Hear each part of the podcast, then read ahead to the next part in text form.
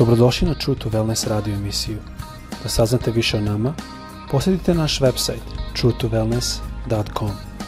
A sad, vaš domaćin, dr. Todorović.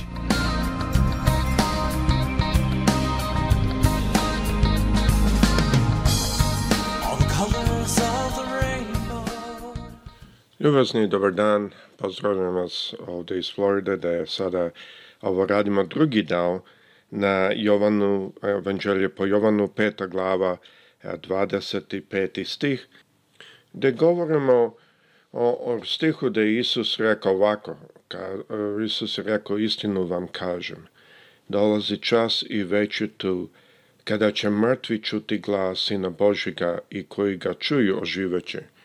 I tu smo vidjeli, dok smo govorili da to je, ima dva elementa. Jedan je onima koji su fizički već otišli u večnost, to je bilo tada, zato što su ljudi umrli prije žrtve Hristove. On je otišao, oborio vrata o Hedes ili od pakla, nisu ga primili, on je oborio, on je sa svojom silom ušao unutra i svako je čuo njegov glas, ali oni koji su ga zaista čuli, to jest čuli se sa srcem svojim, oni su oživali i to vidimo da se o tome radi. Ali ima i drugi element o kome želim puno više pričat, možda ćemo malo ući dublje u to, a to je oni koji su danas fizički živi, ali su mrtvi u njemu, da kažem mrtvi duhovno. takvi isto će čuti njegov glas. Svi čuju, ali svi ne poslušaju. Svi čuju, ali ne znači svima isto. Oni koji slušaju ovaj podcast, vrlo mi je jasno da najvjerojatnije, pošto imam naglasak, srpski mi nije najbolji, tako da oni koji slušaju, i ja znam iz kog razloga slušaju, nije, svakako nije što je moj srpski jako dobar. to su oni koji čuju njegov glas. E sada želim malo više pričati o tome, jer mnogo puta ljudi odu u crkvu i razočaraju se, pa kako, pa to je hrišanin, kako... Samo što taj dolazi u crkvu, ne znači da čuje njegov glas. Ne znači do njegovom duhu. To budemo pažljivi. Nemojmo se razočarati. E, jer neće svako koji kaže gospode, gospode ući u carstvo I ne radi se o tome koliko mi žrtvama. Ako gledate to je, mislim, Matej 25. glava. Ako gledate u taj stih, nisam to planirao govoriti, ali ako gledate u taj stih, Isus kaže šta? Onaj koji je žrtvo? Ne. Kaže, ja sam bio gladan. Ja sam bio žedan. Ja sam bio stranac.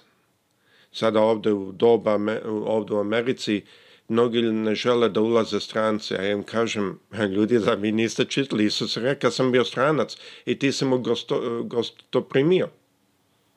Oni samo čute.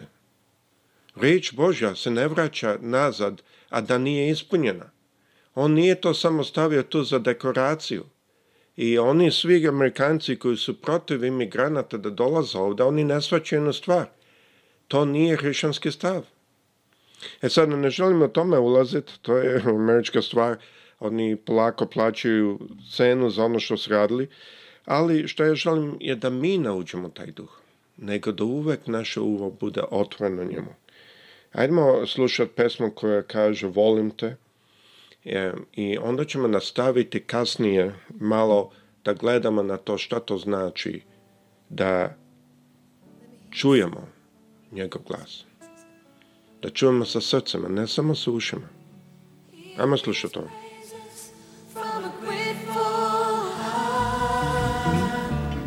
Each time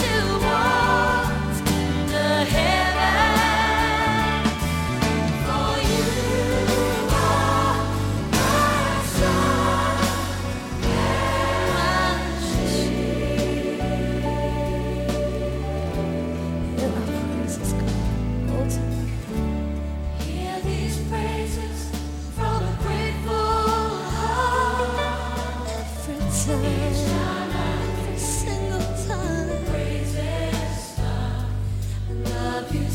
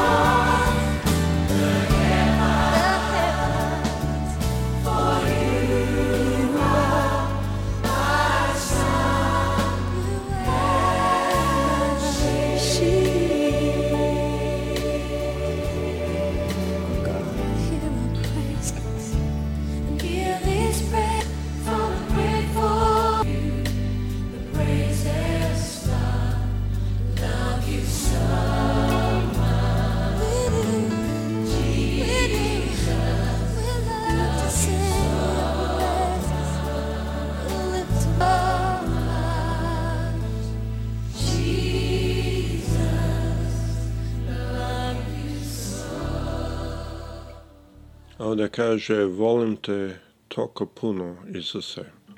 Volim te. Sada ovaj deo, ja se nadam da ćemo moći u jednoj epizodi, jer želim da naiđemo sa dva elementa. Isus ovdje kaže, kao što je rekao, istinom govorim, kažem, dolazi čas i već je tu, kada će mrtvi čuti glasina Božiga i koji ga čuju, koji ga čuju oživeći. I, a što to znači? Jedan deo je da svate, da sva sila, i sva moć je u njemu i obrata se njemu i predaj svoj život njemu. To je ono što mi zovemo spasenje. Ali to nije kraj toga. To nije kraj celog puta. I šta to znači, na, prvo da dođem na to, mi smo mrtvi u svetu. A, čujemo Isusov glas. Bude nam drag, to je ono što koji prihvati njega ili koji ga čuje. bude nam drago kažemo sami sebi ovo je divno, ja želim biti da ovoga. I taj život, ta e, vizija, taj pašen koji uđe, to u stvari od njega. I što to uradi, je to napravi da, nas, da mi oživimo. Mi sad počnemo čuti, počnemo uh, razumeti njegovu reč. ali ne dolazi sve odma od početka, nego vremenom dolazi. Znači, polako nam se otvaraju uši ne odjedanput. Polako se otvaraju uši, polako čujemo, polako razumemo, onda dolazi e, Duh Sveti, počnemo prihvaćati ideje od Duha Svetoga, počnemo prihvaćati Duha Svetoga, eventualno bude krštenje Duhom Svetim i onda slušamo sve više i više njegov glas. Tako da je to jako bitno da znamo. Ali mi vidimo ovdje da on, samo oni koji čuju i prihvate njegov glas će oživjeti. I što to znači život? Kada gledamo što je Isus rekao farisejima, on je rekao njima, vi ne date drugima da uđu koji hoće, a oni koji vam se pridruže napravite, napravite ga duplo sina pakla nego što ste vi. O čemu je Isus govorio tu? A su fariseji živali jako loš život? Ne. Ja sam bio u Izraelu, ja sam vidio kako e, ljudi danas, e, ti e, konzervativni ili ortodoks hrišćani, koji su u slični farisem, kako oni danas žive. Oni jako, jako, da kažem, čisto žive što se tiče života. Mi ih nećete naći nikada su sami sa ženskom, na primjer, je muškarac. Nećete nikada naći da se uhvate u neke loše stvari. Čak ako vas se takno, vi niste Izraelac, odmah idu da se kupaju. E sad vi možete sami zaključiti što to znači. Ali vi vidite tu. Onda o čemu je Isus govorio? Nije govorio o njihovom fizičkom životu, nije govorio o tome da oni trebaju da prestanu da greše. Onda o čemu je Isus govorio? On je govorio o tome da kad su oni prihvatili njega, prvo su ga prihvatili u prvoj ljubavi, da kažem, da mi danas kada prihvatimo ga u stvari nisu prihvatili, ali oni koji jesu. Ali šta posle bude? Po, počnu polako da idu u nazad u zakon. O čemu se radi je, pa dobro, Isus je platio, sad ja moram da živim ispravno. Jes, jedna strana strane da, mi trebamo živjeti ispravno, ali to ne treba biti zato što mi možemo sami o sebe, nego zato što mi ljubimo Hrista toliko puno da mi želimo prirodno da živimo ispravno. Zato što mi smo da u njegove familiji, mi želimo da živimo onako kako pripada tome. A ne zato što mi iz neke samopravednosti želimo živjeti ispravno. U čemu razlika tu? Razlika je velika. Zato što jedno je u strahu i iz straha, a drugo je iz ljubavi. Ovo je zašto u Jovanovoj poslanici, znači isti pisac, u četvrtoj glavi, Jovan kaže ovako, u 18. stihu, ljubavi nema straha, nego savršena ljubav izgoni strah, jer strah je povezan sa kaznom, a koji se boji nije savršen u ljubavi. O čemu on ovdje govori? On govori baš o tome. Oni koji žive u Hristu moraju paziti da ostanu slušajući njegov glas i da hodamo u ljubavi, a ne da odemo u legalizam. To je jako, jako bitno. ja ovdje o čemu se radi je ovdje on govori o onima koji su bili proganjani. I on je rekao ovako, jer u ljubavi nema straha. Znači, ako ja, na primjer, ja želim da živim ispravno, to je, to je na mestu, to je svakako nešto što dolazi. Ali da li ja želim živjeti ispravno? Da li ja želim da hodam ispravno zato što se ja plašim i znam da Bog ne voli ono, one koji žive ovako, ovako i ovako, ili ja to želim zato što ja ljubim njega. Možda ćete reći kakva je razlika, velika razlika. Zato što onaj što radi to iz straha, kao fariseji, oni su hodali u čitavom zakonu iz straha, ali zato što se radi straha, sve je od spolja. I oni, kao što Isus rekao, prali su kap, e, čašu od spolja, a iznutra su puni e, mrtvih e, kostiju. E sada, to je kad nešto se ne radi iz ljubavi, nego iz dužnosti, iz straha. U, efektu strah je dužnost ovdje. E sada, mi to isto vidimo u Rimljanima, ako pogledate u Rimljanima, osma glava, 15. stih, i vi znate, vratno često čitamo iz ovaj stih, Kaže ovako, niste najme primili duha robovanja, pa da opet strahujete. Zašto on kaže ovo? Zato što ima oni koji kad se obrate, kada prihvate Hrista u svoj život, kada čuju njegov glas i prihvate njegov glas, u početku počnu hodati u prvoj ljubavi, ali posle toga počnu i prelaze sve više i više u zakon. I sve više i više, a Bog ne želi ovo Bog želi ovo sve više i više govore o Bogu koji je neko koji će se naljutiti na nas ako živimo neispreno. Zaista, Isus je e, dao svoj život za nas dok smo u grehu bili. A to meni predstavlja vrlo veliki element ljubavi. Ali on ne želi da živimo neispreno, svakako. Ali ne da radimo to iz robstva. Zašto? Zašto je robstvo u strahu. Kao kada vozite niz ulicu i recimo vi vidite ograničenje i vi usporite. Ne zato što vi volite taj zakon, nego zato što ste u, strahu da će biti neki policajac koji će vas zaustaviti. To je, to, to je taj princip zakona, princip prostva. Jer šta ovdje kaže? Gledamo ovu reč opet. Niste naime primili duha robovanja, pa da opet strahujete.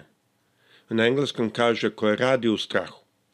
Okay nego ste primili duha usinjenja kojim ćemo Aba oče ili tata. Primili smo šta? Duha usinjenja. Znači ova dva ne mogu zajedno da stoje. Ja ne mogu da stojim u duhu robstva, no i dalje znači ja hodam ispravno sve to, to je sve ispravno. Ali ja ne mogu stojiti u duhu robstva, u, u strahu i da sam mi dalje primio duh posinjenja. Ova dva su obrnuta. Zašto? Jedan radi u strahu, jedan radi u ljubavi. Ovo je Paul pisao zato što mi vidimo da u crkvi je to počelo biti problem.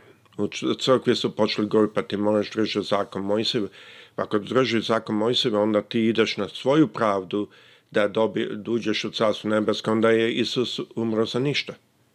U, u je to, a to đavo želi. Jako to izgleda sa jedne strane čak i svetije, ali to je zato što ljudi ne svaćaju reč strah od koga dolazi.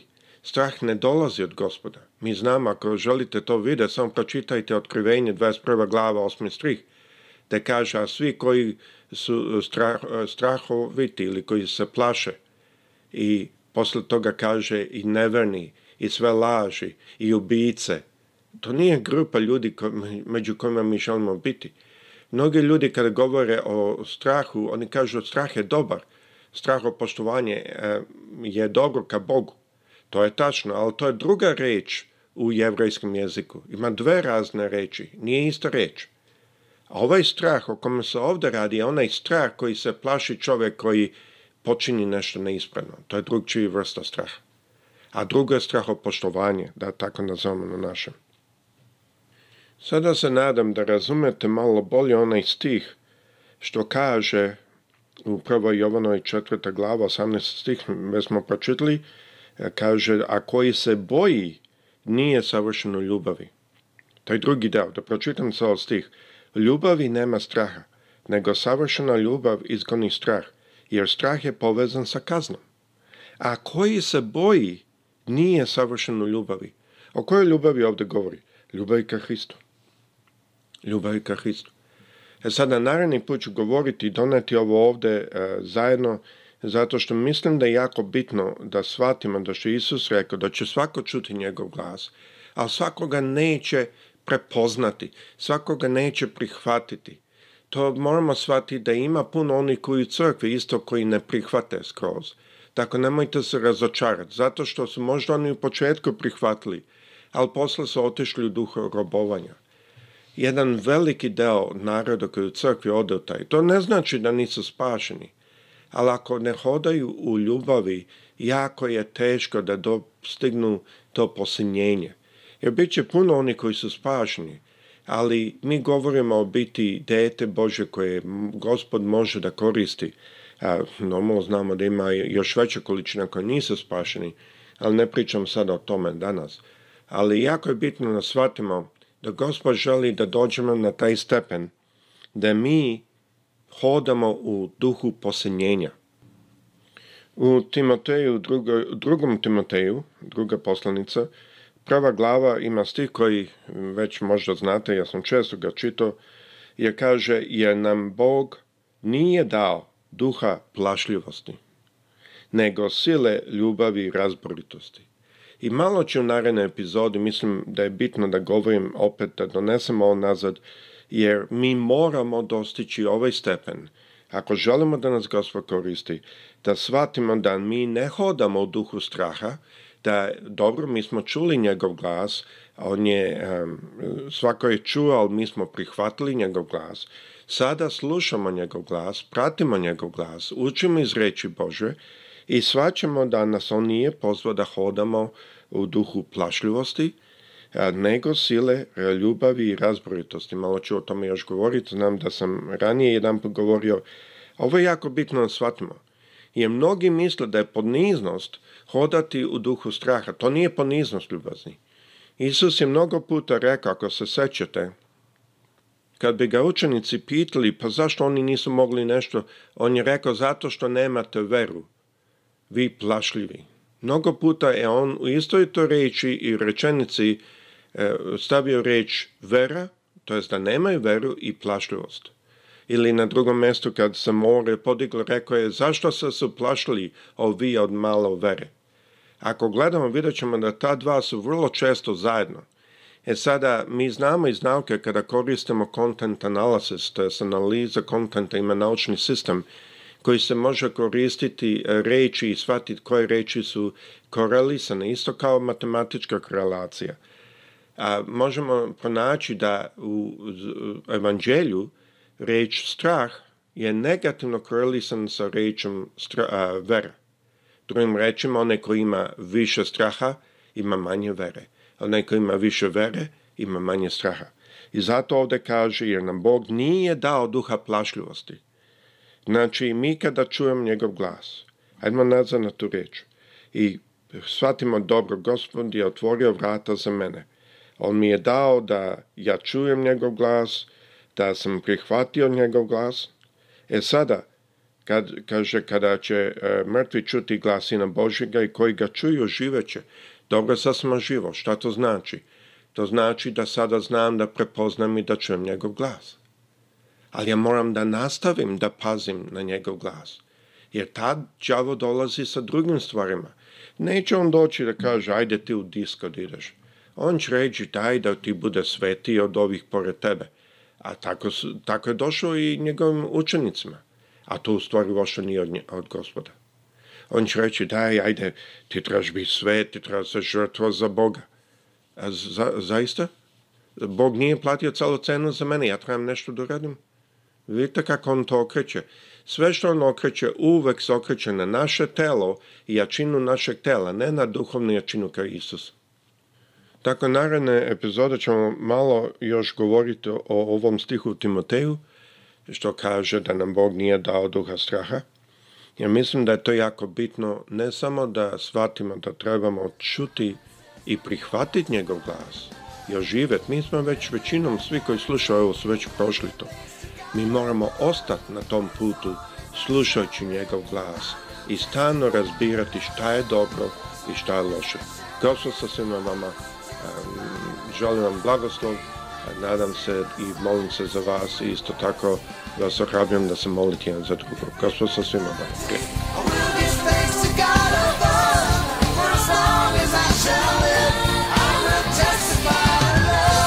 Slušajte True to Wellness radio emisiju. Pridružite nam se ponovno. Za kontakt molimo posjetite naš website www.truetowellness.com Naša email adresa je info at truetowellness.com.